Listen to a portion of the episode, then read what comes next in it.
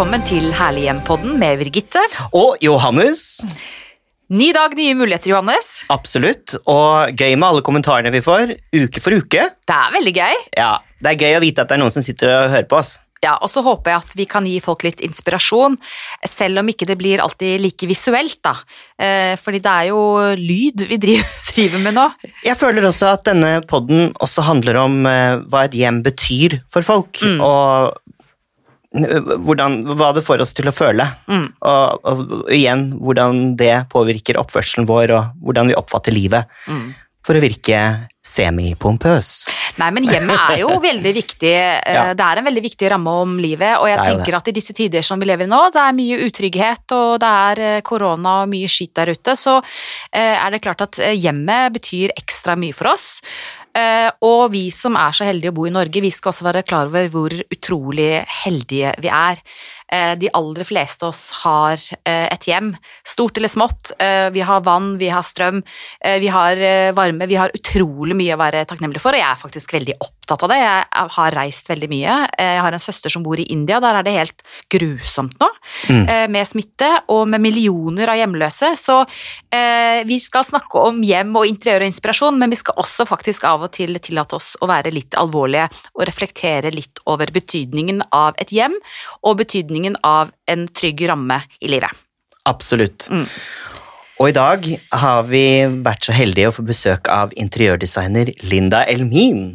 Yay! Aha! Og da skal vi jo selvfølgelig snakke om nordisk stil og minimalisme. For du driver jo nettbutikken Hvit med to i-er.no. og du har en Instagram-følgeskare på nærmere 65K. Ja. Og det er mange. ja det, er må man, mange. det kan man kalle en interiørinfluenser. Ja, det er ikke sånn jeg ser på meg, holdt jeg på å si, men eh, ja, det er, det er mange. Hvordan mange ser du på deg? Um, ikke som en sånn påvirker. Nei. jeg ser på meg selv som en uh, En som uh, prøver å inspirere, men ikke påvirke. Ah, det liker jeg. Skjønner du forskjellen? Ja. At Jeg kan godt, jeg blir glad hvis folk lar seg inspirere av meg, men jeg vil ikke at de skal la seg påvirke av meg. For meg så er det litt sånn, veldig sånn tungt ord, egentlig. Så jeg, inspirasjon, ja, det, Mhm. det liker jeg. Det var Det er interessant, interessant refleksjon. Den eh, kunne sikkert mange av oss eh, tenke litt mer over. Jo, men ikke sant, er man en påvirkarar? Påvirkar, heter det kanskje. Eller influenser, eller er man en inspirasjonskilde? Det, ja, det kan man godt reflektere litt over, vi som er eh, i- litt i denne bobla her. Ja. Absolutt. Og i eh, Du har jo også et samarbeid med eh, Stylistligaen. Ja, jentene mine, vet du. Ja. Og det er jo fantastisk. De andre er for øvrig Tone Kroken, Anette Nordstrøm og Marianne Hagekind. Det er ikke så verst gjeng, det. Nei, vet du hva, det er eh, Altså, det er kremen av kremen. Hvordan går det når dere er på tur, da? Eh, det- Oppdrag? eh, oppdrag. Det er både inspirasjon og diskusjoner. Altså, vi er jo så, vi er fire personer. Veldig ulike stiler, Mm. alle fire. Eh, men vi har jo veldig respekt for hverandre, da. Eh, og jeg får masse inspirasjon. Eh. Jeg føler at dere er litt sånn Sex and the City-gjengen. Dere har veldig forskjellige stiler, alle fire. Må jeg tenke på hvem jeg er her, altså. Ja. Men hva er det dere gjør når dere er ute på tur? Eh, altså, vi holder foredrag, Ja. vi, vi styler, og vi inspirerer. eh, altså, vi har det så gøy sammen. Eh, jeg syns jo at det er, altså, det er mange som har tenkt "Men dere fire, hvordan Hvorfor dere? For vi, vi er så veldig ulike. Ja. Men jeg syns jo det gir oss en styrke, da. At vi er Mm. fire ulike personer og ulike stiler. Fordi du er jo ikke meg, jeg er ikke deg. Vi alle er ulike. Hva er det du representerer da, i den ligaen? Altså, jeg tror de ler litt hjemme, egentlig, men jeg tror nok at jeg er den som er, blir, er mest ordentlig av altså, ordning og reda. Ja. Eh, Jeg kan nok eh, fint liksom fremstille sånn i forhold til stilen jeg har, som er liksom nordisk og tidløs, og det er ikke så mye krimskrams og Mm. masse sirkusfarger og sånn. Mm. Eh, Men jeg, altså, jeg, jeg er ikke så orden. Jeg er nok litt vimsete inni toppen av hodet, men det er derfor jeg trenger ro og orden. da. Mm. Fordi jeg, er litt, jeg, må falle litt i ro, for jeg har så mye oppi hodet mitt. Mm. Så jeg må liksom senke det litt. Så jeg er kanskje den som er ja, minimalistisk av oss, da. Av oss fire. Mm. Men hvordan vil du beskrive du sier nordiske stilen? Mm. Eh, tegn noen eh, visuelle bilder for oss. Eh, hva er eh, den nordiske stilen? Mm. Jeg tenker at den nordiske stilen, den er jo Altså, vi oppe i nord, da, vi lever jo i mørten, holdt jeg på å si, store Mm. deler av året. Og da liker vi å tjene lys, vi liker å ha puter, tekstiler, altså mye tekstur.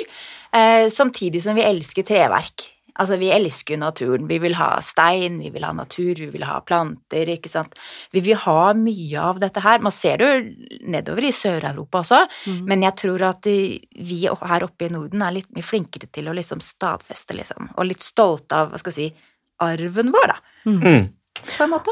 Og det tror jeg henger litt sammen med at eh, Norge egentlig alltid var en fattig nasjon eh, i gamle dager. Mm. Vi hadde ikke velur, fløyel, gull og glitter, marmor, som de hadde nedover i Europa og kunne smykke eh, bygningene sine med. Vi måtte bruke treverk, vi. Og stein. Ja, Mm. Og lage det sjæl. Og lage det sjæl. Og det er jo lekkert, da. Ja, det er det. Ja. Eh, altså, håndverk det er noe som virkelig er hjertet mitt eh, nært. Eh, og nå spesielt så heier jeg jo veldig mye på norsk design, da. Altså, Ja, det er veldig spennende Mm. det som har skjedd med norsk design de siste årene. Fordi at uh, i Skandinavia så liksom, vi har hørt mye om dansk design, ikke sant. Eh, Danskene har vært uh, fremragende på design, altså 50-tallet, 60-tallet, Mm. store uh, designikoner, ikke sant. Men nå begynner jo virkelig nordmenn å, å komme litt opp på nivå, holdt jeg på å si, og det er veldig gøy. Har du noen favoritter av norske designere som du vil trekke frem nå? Som gjør det jeg, har, jeg har jo noe, men jeg, jeg er ikke så god på å huske navn, da. Eh, Andreas på- Engesvik elsker jeg. Han Ja. er fantastisk flink. Han elsker jeg også, Ja. av mange grunner. Ja, og han tror jeg kanskje kommer eh, til vår pod. han så kjekk, Ja. han da? Ja. Men vet du, Han er er veldig så- dyktig. Veldig dyktig, veldig fin fyr, og veldig sånn reflektert over de valgene han tar innenfor design, føler jeg. Ja. Kvalitetsorientert. Det er Veldig. ikke noe tull med han. Nei. Det er ikke noe tull. Nei, han Northern er, Lighting har jo også gjort det stort, med Ove Rogne i spissen. Absolutt. Eh, De lampene, og også nå møbelkolleksjonen. Tone Kroken har jo kommet med møbelkolleksjon. Kroken, Ja, altså det, det kommer mange Men for eksempel, for å trekke tilbake til altså Norden, da. Ja. Jeg tenker at det, de eh, altså gode til å satse på litt ukjente navn, eh, og bruke så godt det lar seg gjøre, i hvert fall som jeg har forstått, eh, norske produsenter, da, altså at det blir produsert i Norge. mm, Eh, det gjelder jo blant annet disse pleddene til Andreas Engsvik også. som er så fine. Helt nydelige. Ja. Veldig fine. Ja, med sånn bunadsnavn eh, Navn etter bunader, ikke sant? Ja, ja, ja. Fra veveriet. Mm. Du sier at du alltid har vært glad i håndverk. Når begynte du egentlig å virkelig peile deg inn på interiør og få den fascinasjonen du sitter og jobber med nå? Det var nok litt for tidlig i forhold til eh, foreldrene mine, tror jeg.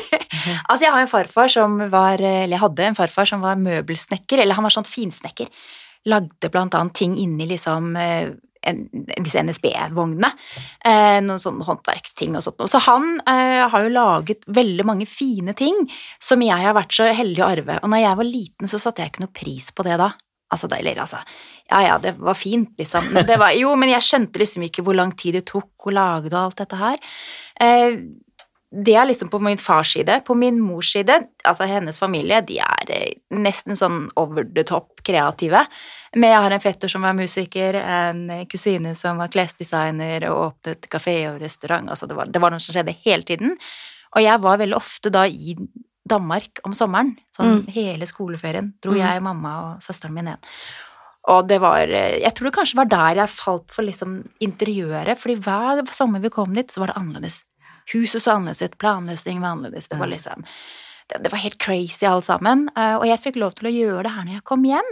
Mamma og pappa sa aldri nei til meg, du får ikke lov til å male rommet ditt rosa, du får ikke lov til å tapetsere det forferdelige tapetet det ikke hindra meg å tapetsere i. Men altså, det, det var liksom alltid ja, Mm. eh, når jeg kom med ideer og skulle gjøre ting. Mm.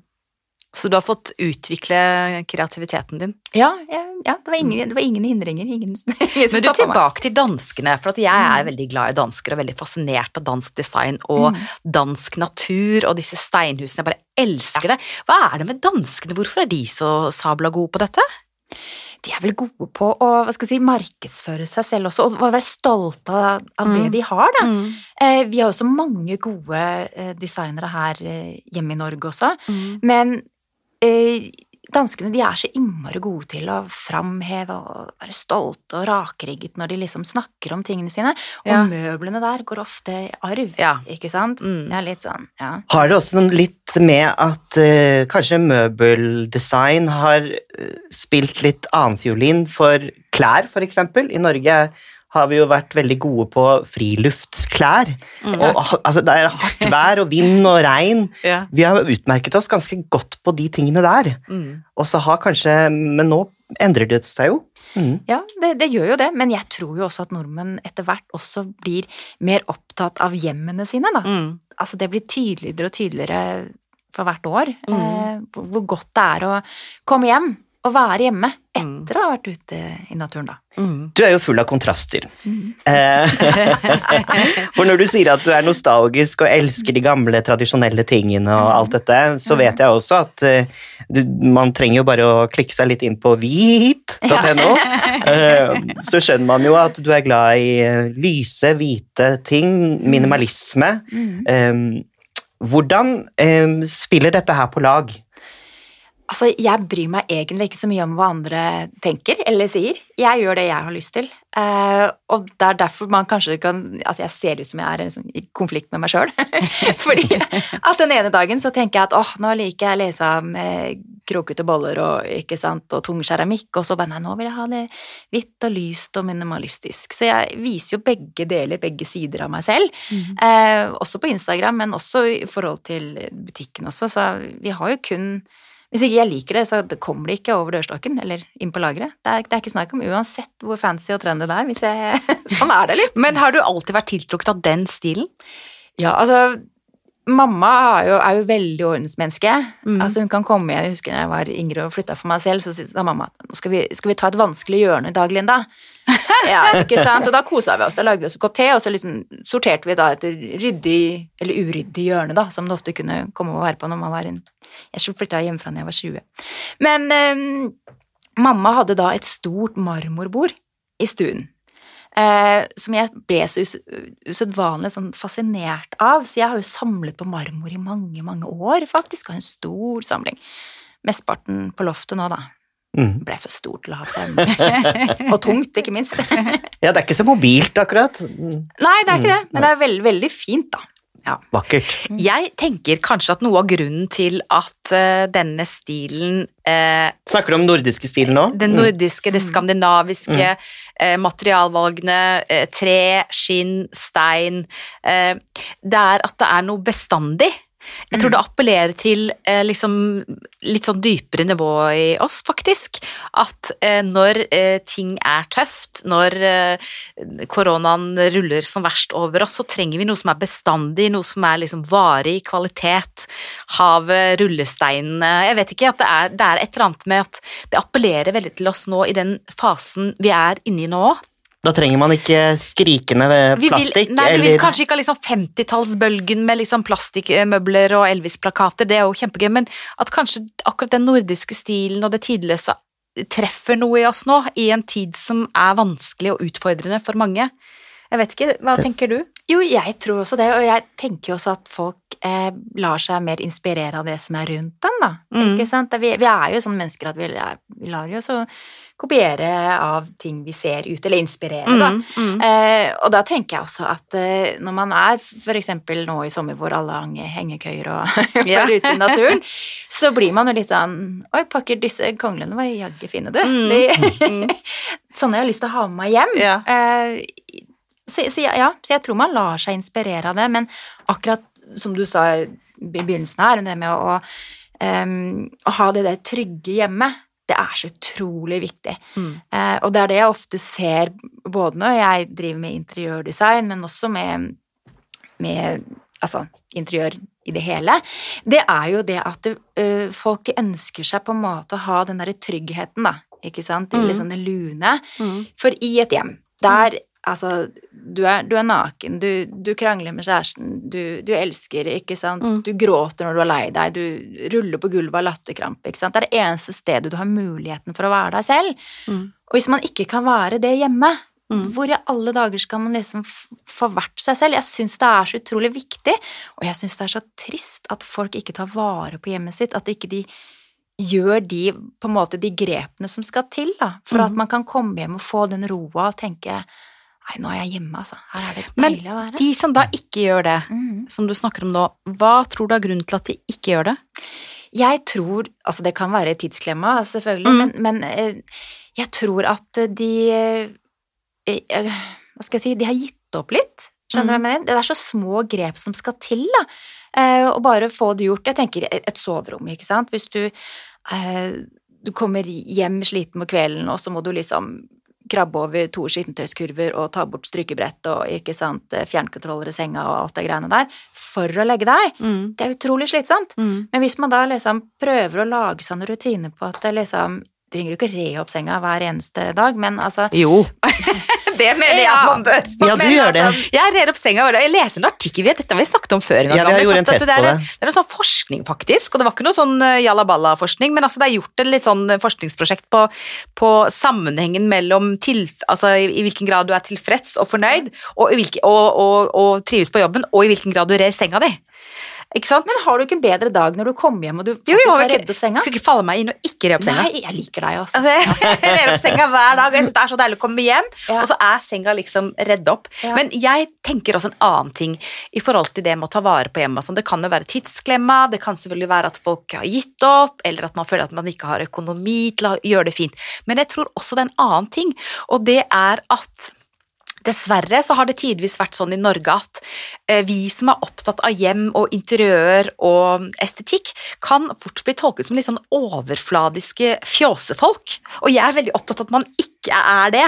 Eh, At snarere tvert imot. At det å ta vare på ting, det å sette pris på hjemmet sitt, det å vise takknemlighet og, og eh, gjøre det beste ut av det man har, det er egentlig en veldig sånn fin verdi. Og det har ikke noe med en sånn fjasethet å gjøre i det hele tatt. Skjønner du hva jeg jeg, mener? Jo, det skjønner jeg veldig godt, og jeg tror det er en, det er en stor forskjell på å være materialistisk Mm. og minimalistisk eller maksimalistisk. Ikke Mm, sant? Det er en stor forskjell her. Mm. Eh, jeg, jeg tenker det handler også mye om at man må ta vare på de tingene man har, da. Mm. Ikke sant? Og at man kanskje ikke alltid skal eh, ja, det er ikke alltid at man trenger å tilføre noe nytt, eller noe sånt, men kanskje man skal rett og slett bare kvitte seg med det man ikke syns er noe særlig, det som gir deg litt sånn dårlige vibes, liksom. Mm. Ut med ræla, rett og slett. Ja, for du har jo mange kule designobjekter og gjenstander i butikken, nettbutikken, men jeg vet også at du er en hund etter uh, loppisfunn. Ja. Uh, fortell litt om det. Hvor, hvor, hvor finner man de beste funnene, og hva er det ofte du leter etter? Jeg leter altså etter marmor, da. Ja. Har du en marmorfetisj? Eh, Ja, det, er- altså, det er helt crazy, men jeg har det. men det er jo ikke alltid jeg finner noen ting. Eh, men som regel så Altså, det brukttingene, det er bare noe som bare snakker til meg. Som bare roper meg og bare sånn 'Hallo, Linda. Her er jeg.' og jeg aner jo ikke hva det er før jeg kommer dit, egentlig. Om det så er et, et eller annet tekstil, eller om det er en skål, eller altså Jeg aner ikke. Men for meg så er det viktig at, at tingene har litt kvalitet, da. Men Jeg- har det noe med levd liv å gjøre? At det, har noe, at det ofte ha, har levd en stund? Ja, Ja. Det, ja, det kan det. Det er absolutt. Men jeg føler jo også at det har liksom noe med at det ikke er noe jeg ser overalt, på en Mm. måte. Ja, jeg Unnskyld at jeg sier det, men jeg kunne ikke falle meg inn og gå på loppemarkedet og kjøpe noe fra Ikea. Nei. Ja, altså Ja. Ja, for å si det sånn, jeg, altså, da vil jeg heller ha noe som er ikke nødvendigvis håndlag, men noe som er litt annerledes. Noe som jeg tenker at oi, den her, den passer egentlig ikke inn. Men den gjør jo Jeg skal nok finne plass til deg likevel, for jeg liker deg så godt. De beste stedene å dra på bruktmarked og loppemarked er Østfold og Vestfold. Er det det? Hvorfor det? Jeg bare vet det. Det er veldig vanskelig å finne steder i Oslo. Faktisk. Ja, ja, det kan godt være. Og jeg, jeg var jo i en bruktbutikk her eh, Mm. forleden dag, og jeg ble helt skremt av sånn overprisa Ja, det er overpriset, Ja. og kvaliteten er dårlig. Ja, da ble jeg litt lei meg, faktisk. Vi kjøpt, Jens og jeg kjøpte jo en eh, lampe på en bruktbutikk, eh, og så kom jeg til å nyse i bilen, og da ramte den jo fra hverandre. Så var det bare å kjøre rett innom Esso og få, få med seg noe superlim. Nei, men eh, eh, hvis du skal gi noen tips til å altså Når jeg tenker minimalistisk hjem, så tenker jeg jo selvfølgelig sånn helt sånn hvite, rene flater og sånn. Det trenger jo ikke å være det. Eh, har du noen gode tips på hvordan man kan gjøre minimalistiske hjem eh, særegne? Ja. Eh, jeg vet jo at du, Birgitte, du samler jo på hvite mugger, Ja. og du på speil. Ja. Ja. Å, hun har lyttet. Ja, ja, ja, jeg har det. og jeg da med min marmorting, ikke sant. Nå har Ja. jeg blitt veldig glad i sånn i, i tungt glass. Mm. Altså, her i, i sommer så jaktet jeg på sånne tunge glasskåler, du vet de som nesten kan på kanten til å være et askebeger, men som ikke er det allikevel. Eh, det, det handler om at man skal samle sammen tingene, da. Eh, jeg er jo såpass heldig, eller uheldig for samboeren min, at jeg, vi har et stort loft, så hvor jeg da kan eh, sette mine samlinger med marmorting, eller glasskåler, da, som kanskje kommer til å bli til neste år, ikke sant, og så ta dem fram igjen når jeg har lyst til å se på det. Så minimalister handler liksom om at man må få samle sammen det som man Tenke grupper. tenke grupper, og, og man kan Altså at det, ikke, at det ikke blir kaos, da. Det skal Mm. være noe som er sånn godt for øyet også å se på.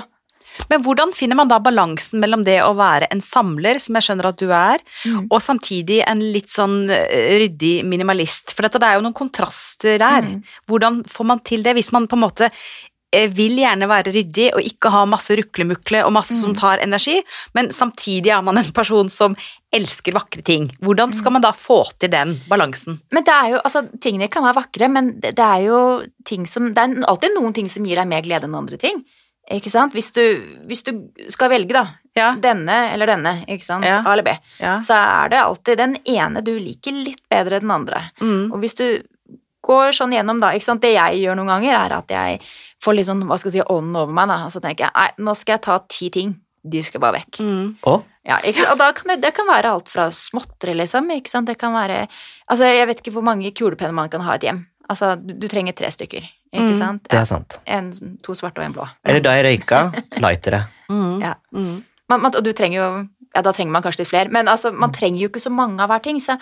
Og så tror jeg også det er veldig viktig at man bruker de gode, vakre, fine tingene hver dag. Jeg syns Ja. det er litt tullete at man har én vase du bruker til hverdagsblomstene, og så liksom den, det ene, den ene dagen i året du får en valentines eller bursdag, eller kommer opp på hvor heldig du er, da skal du ta fram finvasen din, da. Mm. Kan man ikke bruke den finvasen hver eneste dag i stedet? Samme sølvtøy. Min bestemor Laura, hun brukte sølvtøy hver dag. Alltid. Brukte Hver ikke. dag, Ja, Birgitte? ja, altså brukte hva sølvtøy hun brukte. Hvis du har sølvtøy, er så heldig å ha sølvtøy, da, eller arva sølvtøy, eller fått, eller whatever. Så ikke sant, hvorfor skal man egentlig ha et stålbestikk som man bruker eh, hver dag, og så på julaften og thanksgiving så tar du fram sølvet? Det er jo egentlig helt tull. Du bør egentlig bruke sølvet hver dag. Det er jo veldig hygienisk å spise med. Det, er, det, er jo, det varer jo evig, det er jo kvalitet. Og så trenger man jo egentlig bare sølv, da. Du trenger jo ikke egentlig stålbestikk. Jeg er jo ikke så heldig at jeg har sølv, altså. Vi har stål. Ja. Nei, men det var et Da- design i stål, men vi, vi bruker det hver dag. Ja. Åkke som, liksom. Ja. Altså det, og da kutta jeg meg med det andre.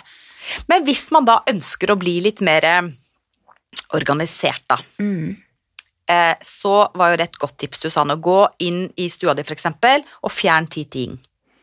Som ikke gir deg noen ting. Mm. Altså, det må jeg, du, altså, Man har bare blitt vant til det, liksom. ja, men du, du, bare, du bare ser på det, ikke sant? Men handler det om da nytteting, eller handler det om, kan det også være pynteting? Det kan være hva som helst. Altså, det, kan, det kan jo være hårstrikker som ikke sant, har gått litt rann- Men når man først kommer i gang, vet du, det er Mm. nesten litt gøy.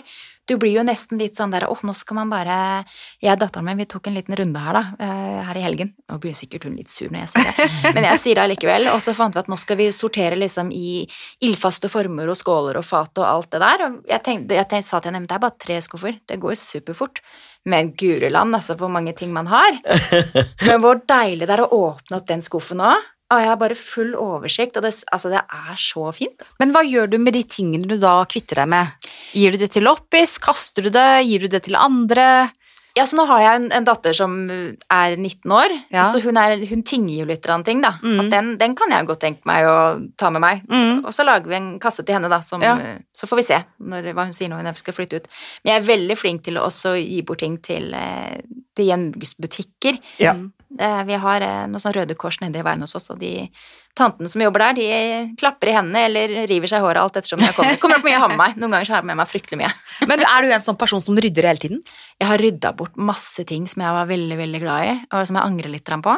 Så nå har jeg begynt å få et litt sånn system at jeg rydder ikke hele tiden. Jeg er ikke sånn manisk eh, gal, jeg, men jeg, jeg må ha det litt ryddig for å, å kunne liksom komme i gang med ting, da. Mm. Hvis jeg skal jobbe, for eksempel, så må jeg ha det litt ryddig rundt meg. Mm. Da kan jeg liksom, da må pleddet gjerne være litt sånn Det kan ikke ligge på gulvet, da må liksom oppi, ja, oppi sofaen. Skal jeg lage mat? Det gjør jeg ikke så fryktelig ofte, eh, det må jeg innrømme, men da må det være ryddig.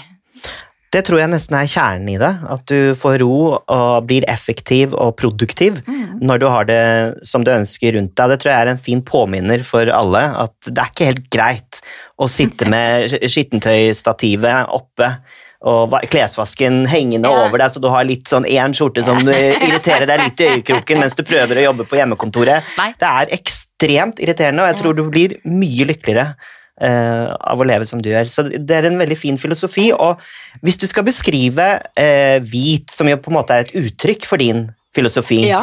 eh, hva er en rød tråd av de eh, som definerer de produktene du selger der?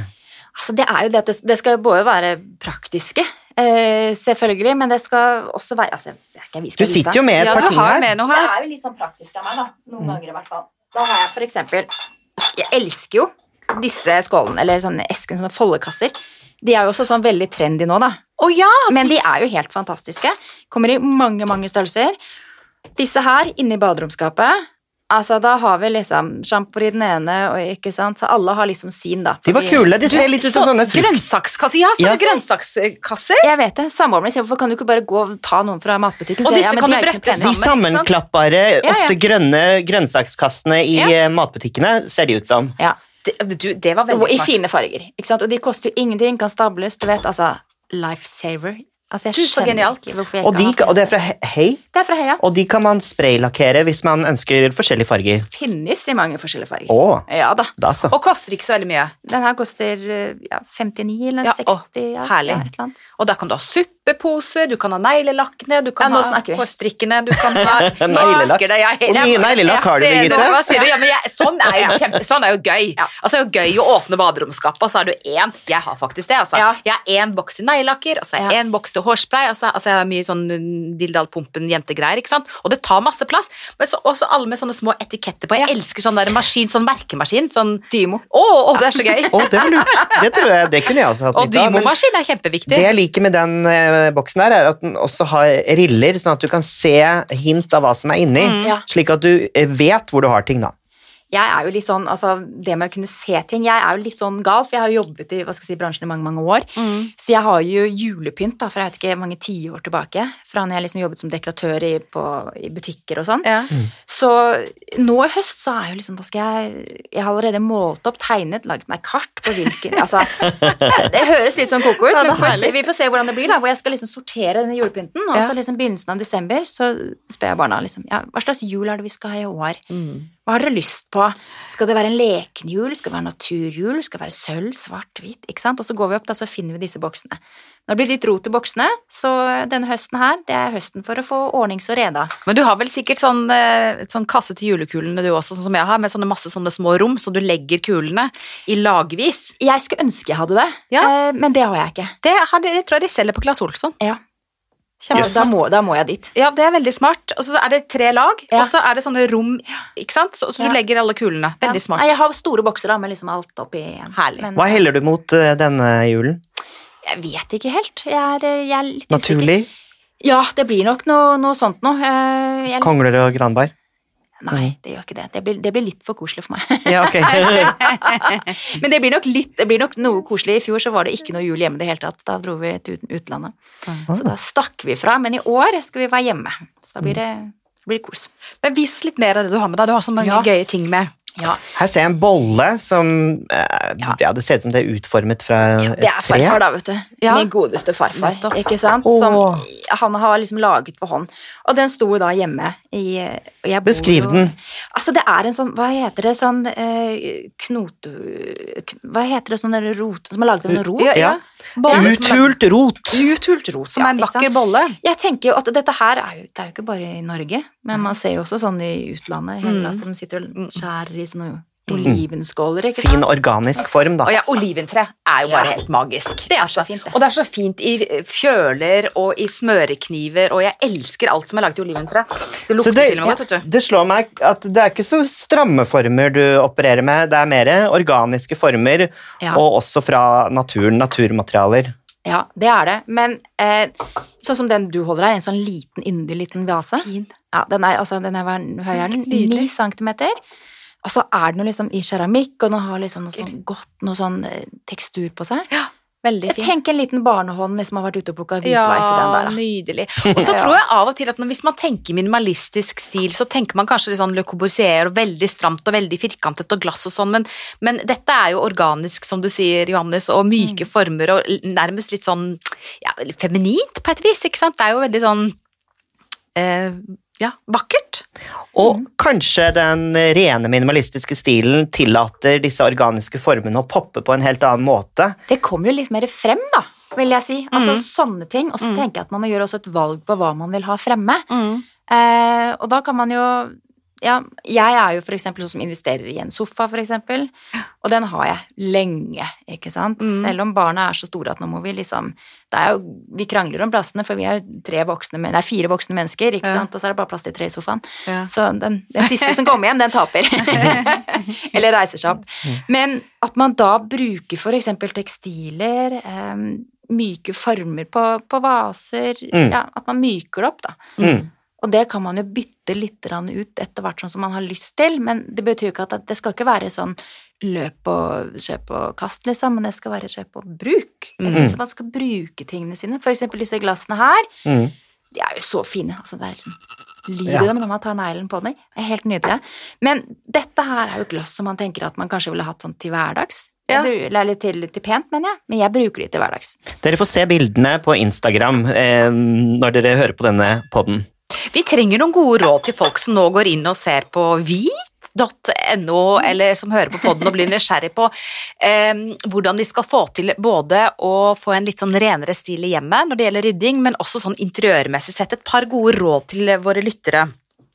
Det er å bare høre på deg sjøl. Altså, jeg har vært i mange hjem hvor jeg tenker at eh, dette her er jo ikke min stil i det hele tatt. Mm. Og jeg blir helt varm i hjertet, og noen ganger så begynner jeg faktisk å gråte litt. Åh. For jeg syns det er så utrolig fascinerende at folk de, de har sin egen stil, at de bryr seg om hjemmet sitt, at du tenker at her, disse som bor her Se her, nå får jeg helt gåsehud. Ja. Fordi at jeg syns det er så fint at eh, folk eh, gjør noe ut av det. Og det betyr Altså, jeg tror at folk har bare en lidenskap Man kan ha lidenskap for jobben sin, selvfølgelig, for trening, fritidsaktiviteter, men å ha en lidenskap for det hjemmet man faktisk bor i, Mm. det føler jeg at, det, at da tar man litt vare på seg sjøl også. Mm. Så det, det liker jeg veldig godt. Det var fint sagt. Ja, veldig. Mm. Jeg, føler at jeg, har, jeg, jeg føler at jeg har en lidenskap for hjemmet mitt. Jeg føler at hjemmet mitt reflekterer hvem jeg er. Det må jo det med alle de speilene der. Og derfor Hør på hun der, da. Og jeg har veldig mange speil på soverommet, men det er jo ikke noe kinky. Det er veldig morsomt. Men det er jo faktisk veldig kult, da. Den speilkolleksjonen din er veldig morsom. Jeg tolket det litt sånn bokstavelig ja, da jeg begynte med Herlig hjem, at det skulle reflektere hvem du var som person. ikke sant? Det bare var å henge opp. Men jeg har faktisk eh, fått meg et nytt speil i år, jeg også. Så Ja. jeg lar meg jo påvirke. Ja, Er ikke også. speil gøy, da? Speil er Speil er jo det morsomste. Og det gjør så mye for et rom. Altså, vi hadde Ja. sånt eh, veldig minimalistisk, stramt, eh, ikke sant, sånn opp-ned-speil før. Sånn, ja. Ja. Og så kjøpte jeg dette nye Pond-speilet fra From Living, som vi har i nettbutikken. Og jeg tenkte, altså vi har solgt det i bøtter og spann, og så tenkte jeg nei, nå er det jaggu meg min tur. Nå vil jeg også ha en førerhals. Er det rundt? Ja, det er ovalt. Altså Pond, det er liksom gjenspeiler liksom oh, ja. eh, Hva skal En si? dam? En, en En dam, ja. ja. ikke sant? Organiske De er så fine. former. Helt nydelig. Åh. Og når jeg hang opp det, så tenkte jeg bare Nei, du vet det hva, Linda, du jobber med det. Du, dette burde du gjort før. Nå må du ta deg sammen. For det blei veldig fint, altså. Ja, du har jo en del speil, du òg, har du ikke, Birgitte? Jeg Mm. elsker speil. Mm. Uh, store speil. Mm. Så jeg har noen uh, ja, så sånne fra India, blant annet. Eh, som er sånn med sånne treduppedutter rundt på hytta. Har jeg et som er sånn knall, knall, knall turkis. Digert. Mm. Og jeg bare elsker turkis. Og jeg elsker speil. eh, og med masse sånn dupper rundt, du vet hva jeg mener, ikke sant? Og så har jeg et stort uh, hvitt speil. Jeg har masse speil. Jeg har masse speil. Og så jeg elsker jeg gamle speil. Sånn med sånn mahognirammer og i mørk flammebjerk og med gullrammer. Altså speil jeg det er bare helt uh, crazy, fantastisk fint. Jeg elsker speil. Men du sier at nostalgi er viktig for deg, ikke sant? Og du er- drar på loppis, og du er opptatt av at de tingene du har, skal få skinne i miljøet du skaper. Kan ikke du dra fram én gjenstand eller et møbel som betyr ekstra mye for deg, Mm. som du ikke har klart å rydde bort? Jeg har rydda det bort mange ganger. Eh, jeg kom til og med til å kaste det en gang, så mamma var eh, ute i søppelcontainer og sto på med Ja, og, og fant det. Eh, så det, det er noe som betyr veldig, veldig mye for meg. Det er faktisk et eh, gammelt Nå gikk det nesten et lys opp for meg, for det er faktisk en gammel marmorskål. så jeg tenkte der, kanskje der det kom fra. Som jeg har arvet av min far, som min far har arvet av sin mor, som, ikke sant, som går mange generasjoner tilbake. Det er en helt nydelig marmorskål, står litt på en sånn liten sånn stett, eh, i en sånn litt sånn varm gulbeigeaktig farge. Og rundt på denne skålen så er det fire løse fugler som da titter ned, og disse er da også i hvit marmor, som står på en sånn liten sånn stake da, som du kan liksom putte oppi. Så det var da en av disse hvite marmorfigurene som da tilfeldigvis har blitt kastet en dag, så det var jo helt krise. Men eh, vi, vi fikk tak i den, og nå står den da på under et sånn glassmonter, sånn stor sånn osteklokke, så den står der og bare skinner. Så hvis det er noe som eh, jeg må redde, Mm. altså iPhoner og kameraer og hva det er, det kan erstattes, men den, den, den løper jeg inn og henter, altså. Den hørtes vakker ut. Ja, den er nydelig. Nydelig. Mm. Hva med deg, Johannes? Har du en sånn ting som er sånn Den elsker jeg så mye i hjemmet ditt? Ja, det har jeg. Men det er ikke fordi det er så pent. det er et eh, Madonna-speil med altså, bilde av artisten Madonna. Eh, Og det har fulgt meg, hold dere fast, siden 1990. Og jeg har flyttet en del siden 1990. Det har ikke fått en skramme, det har ikke blitt knust på noe som helst måte. eh, Og det er helt uerstattelig, det selger ikke lenger. Eh, Så det er jeg faktisk ekstremt glad i. Men det er det jeg tenker, det er så fint at man har noe man bare er, glad i, Mm. ikke sant? Hva med deg, Birgitte? Ja Jeg har et maleri som øh, jeg er veldig glad i, som er fra Latinerkvarteret i Paris. øh, som jeg har fått etter mine foreldre. Og det hang over piano da jeg var barn, og jeg spilte jo piano, eller spiller. Det er jeg veldig glad i. For det er sånn men Det er bare følelser, egentlig. Det er ikke noe sånn tror jeg, er fantastisk kunst, nødvendigvis, men det er veldig sånn følelser knytta til det, for det minner meg veldig mye om da jeg satt og spilte piano hjemme. Men jeg har eh, ma mange ting som jeg er glad i. Men eh, vi må tilbake til dette med skandinavisk eh, og nordisk stil og hvit. Eh, er det sånn at en forutsetning for å kunne ha en gjennomført skandinavisk stil at man må være veldig ryddig? Nei, jeg tror egentlig ikke det. Eh, altså, det er mange hjem som er på en måte ikke, ikke rotete, holdt jeg på å si. Vet du hva? Det verste jeg vet, er faktisk hjem som er for ryddig. Mm. Altså, det blir, det blir bare dønn kjedelig. Mm, som møbelkatalog? Ja, og det blir bare ikke noe spennende i det hele tatt. Altså, jeg tenker jo liksom at de hjemmene som på en måte har liksom det perfekte uperfekte, skjønner du hva jeg mener? At det Ja. er liksom et eller annet du kan tenke oi, den passet egentlig ikke helt inn, men det, jo, det, var, altså, det, det er noe personlighet da, som Mm. gjør at det er litt spennende. Mm. Jeg tenker jo at folk ofte tror at jeg, for eksempel, for de Ja. tingene jeg, når jeg legger ut bilder fra mitt eget hjem, Ja. at eh, alt er liksom yeah, Dette er jenta som har tingene på stell. Ja. Jeg er jo ikke det. Jeg er jo skikkelig Jeg er jo en liten sånn vims. Um, men jeg tror det er derfor jeg er nødt til å ha ting i orden hjemme. Mm. Og jeg tror også at eh, noen mennesker kan jo for eksempel sitte og jobbe da, med, med skjortene henge- hengende i kroken når de jobber, mens andre ikke kan det. Så jeg, her tenker jeg at det er liksom Man må bare finne sin egen, egen ro, da, Mm. på hva man, hva man trenger, rett og slett. Men når folk kommer til deg eh, og vil ha hjelp, og du skal hjelpe dem med, Mm. med hjemmet deres, hva er det de som regel ber om hjelp til da? Altså, de, eh, noen ganger så føler jeg meg på litt sånn parterapi, egentlig. altså, fordi de, de blir ikke helt enige. De klarer ikke helt å finne, finne De har det fint, de har et nytt, fint hus, de har fine møbler, men det, det er bare et eller annet som ikke stemmer. De, de får det, altså, flyten funker ikke. Mm. Eh, og da tror jeg de rett og slett trenger at man bare kommer inn og sier der skal skapet stå. Ja, Fordi at det er best. ja. Rett og slett at eh, jeg kommer inn og, og jeg er brutalt ærlig. Mm. Jeg, når jeg tar på meg nye oppdrag, så gjør jeg ikke det for å, bli, for å få meg noen nye venner. Mm. Jeg gjør det jo fordi at jeg vil at de kundene jeg er hos, eh, skal få det hjemmet de alltid har drømt om, og kunne senke skuldrene når de kommer hjem. Mm. Eh, jeg tror ofte at folk er på jakt etter De tror det er eh, funksjonelle og praktiske løsninger, og det kan godt være det, men det er, det er liksom ikke så veldig mye som skal til. Det kan bare være å senke disse fine knaggene du har 60 cm, slik at barna dine faktisk kan henge av seg jakkene selv når de kommer hjem, Mm. for eksempel. Det, trenger, altså, det er bare noen sånne små grep, da. Eh, de fleste hjem har noen kroker og krinker man ikke bruker. Altså noen kvadratmeter som bare blir gått bort til spille. Da må Mm. man finne ut av eh, hva er, kan, hva er det vi kan gjøre for noe her? Det høres litt ut som du slukker branner, eh, egentlig. Eh, jo, du hindrer eh, at eh, klærne ligger strødd utover gulvet. Du hindrer de ekstra spørsmålene fra barna som stresser mor og far. Mm. Du løser hverdagen egentlig gjennom smarte løsninger for å få ro og orden i hverdagen. Det, er jo eh, Feng shui Ja. er jo en, eh, en gammel asiatisk filosofi, og det er jo ikke uten grunn at eh, man fortsatt tyr til den måten å tenke på, da. Jeg var veldig opptatt av det for eh, fire-fem år siden, hvor jeg faktisk eh, studerte det, men jeg hoppet selvfølgelig av da, ja, fordi jeg ble for rastløs. men, men det er mange av de grepene der som jeg bruker når jeg er ute hos, hos kunder, men jeg sier ikke helt hva det er. Nei. Nei. Men det handler vel om å skape flyt. Jeg mistenkte det. Ja. Hva er det vanskeligste rommet i det norske hjem, syns du, ut ifra alle de hjemmene du har besøkt og de rådene du gir? Hva er liksom kriserommet, hva er det? Kriserommet, jeg vil jo kanskje si at det er eh, stuen eller soverommet. Jeg føler, altså Det er litt vanskelig, det kommer helt an på hvor man er, hvem man Ja. er hos. Jeg føler at soverommet ofte blir et sånt rom liksom, blir litt sånn glemt. Man, Mm. man, man, der, der, forhåpentligvis så har man ikke så mange gjester inn på soverommet. Eh, Noen har jo det òg. Men nei, de fleste har jo ikke det, og da blir man liksom at man kaster tingene inn der da, når man skal ha, ha gjester, og så blir det sånn, det blir sånn stående der, da.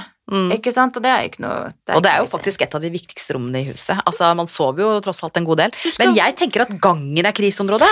Jeg skulle få til å foreslå Altså, gang gang. syns jeg Ja. er så vanskelig, for i norsk, i norske hjem Og vi har jo så mye natur og vær og, og årstider, men likevel så er gangen ofte, i hvert fall litt sånn eldrehus, bitte, bitte små. Så du kjemper seg stue, men du har bitte liten gang, og så skal du ha plass til skjærokser og skisko og støvler og jakker og skjerf og votter. Så gangen syns jeg er eh, et, et vanskelig område, rett og slett, å få til å eh, funke fint. Ja, jeg, jeg er helt enig. Altså, min gang er eh, skal jeg si, en tiendedel av det rommet vi sitter her. Altså, kanskje en kvadratmeter. Bitte, Ja. bitte liten. Ja. Og jeg har jo en sønn som bruker størrelse 44 sko, så det, det, vi sliter litt når han og kompisene kommer på besøk. Men igjen, der altså, Da er jeg igjen har en kjeller hvor jeg kan liksom henge av meg liksom Bytte litt på, på jakker og sånn, da. Vi trenger jo ikke ha eh, Flytevestene trenger jo ikke henge i gangen akkurat nå. Mm. Eh, Det blir en stund til vi kommer til å bruke de igjen. Mm. At man må bytte litt om. Og igjen bruke den fine jakka, du bruk den hver dag, da. Ikke spar den til ja, til søndagsturen. Eller da skal man kanskje ha på seg norrøna, da. Er det ikke sånn det er? Jo. ja, nei, jeg syns gang er vanskelig. Mm. Særlig når kjæresten min har jeg tror ja, ti par sko i gangen til enhver tid som ligger strødd utover over den, kilde til krangel. Absolutt. Men da, det er to ting da som er erfart. Det ene er at man må faktisk ha færre ting. Altså Alle kan ikke ha seks par joggesko hver. Altså Glem det. Da må du ha to par joggesko og ett par pensko. ikke sant? Og så eh, må det i skapet være små bokser eller esker eller kurver, og der står det luer Birgitte, luer Jarle, luer Oskar. Og så en med skjerf. Ferdig. Det som ikke får plass der, får ikke være der. Kan jeg gi deg et lite tips, da? Ja. Når du kommer hjem og tar av deg det skjerfet, kan du ikke bare stappe sånn som du gjør noe på restauranter? Bare stappe det inni liksom ermet på jakka di? Nei. Nei. Nei, Å, det, det var smart. Det, det er sånn jeg kunne Nei, funnet det må jeg brette. Det må brette, ja, ikke sant?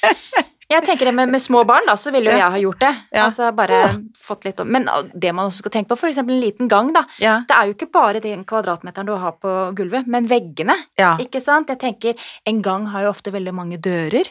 Mm. Kan, man gjøre, kan man lage noen hyller over dørene, for eksempel? Så man liksom kan Men blir ikke det veldig rotete og, og knutrete og trangt? Vil man ikke kommer ha jo helt an på altså Jeg har jo ikke sånn i gangen selv. Eh, fordi at jeg, hadde, jeg har jo eh, trapper og dører, og det er liksom ikke måte på, egentlig. Men jeg tenker at eh, noen ganger så må man jo lide litt av liksom eh, Hvis det plager deg fryktelig, da, at Ja. eh, du ikke har noe sted å henge av deg jakka di, Mm. men du vil ha liksom rette, fine vegger, Mm. da må du velge, da. Du kan ikke få Nei. pose og sekk. Liksom Eller så kan du lage eh, speilskap eh, og kalle det hall. Ja, det kan man Og det blir sånn revers psykologi.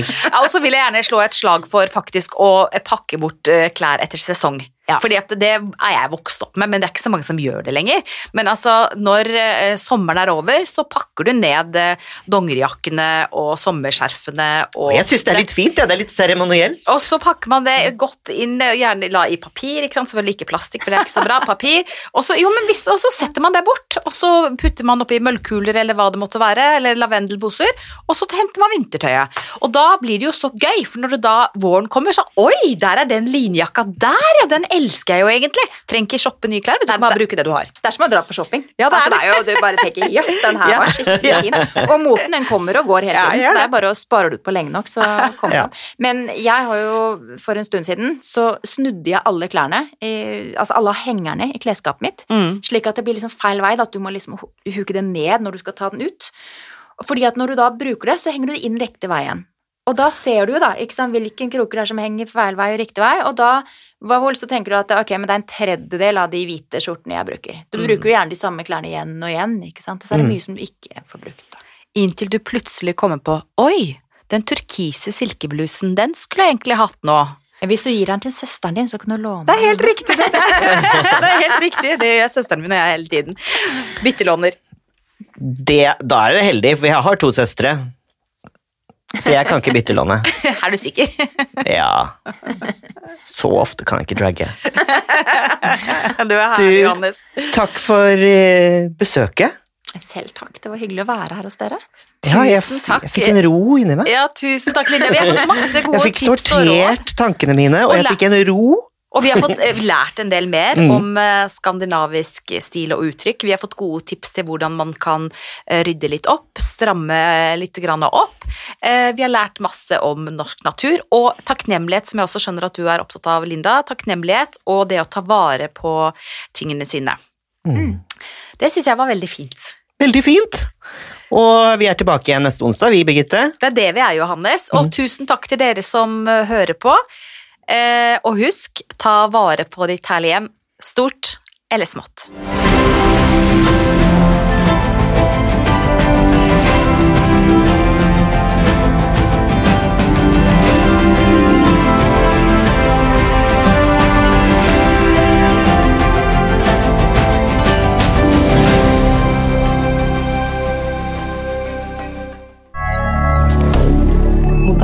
Media.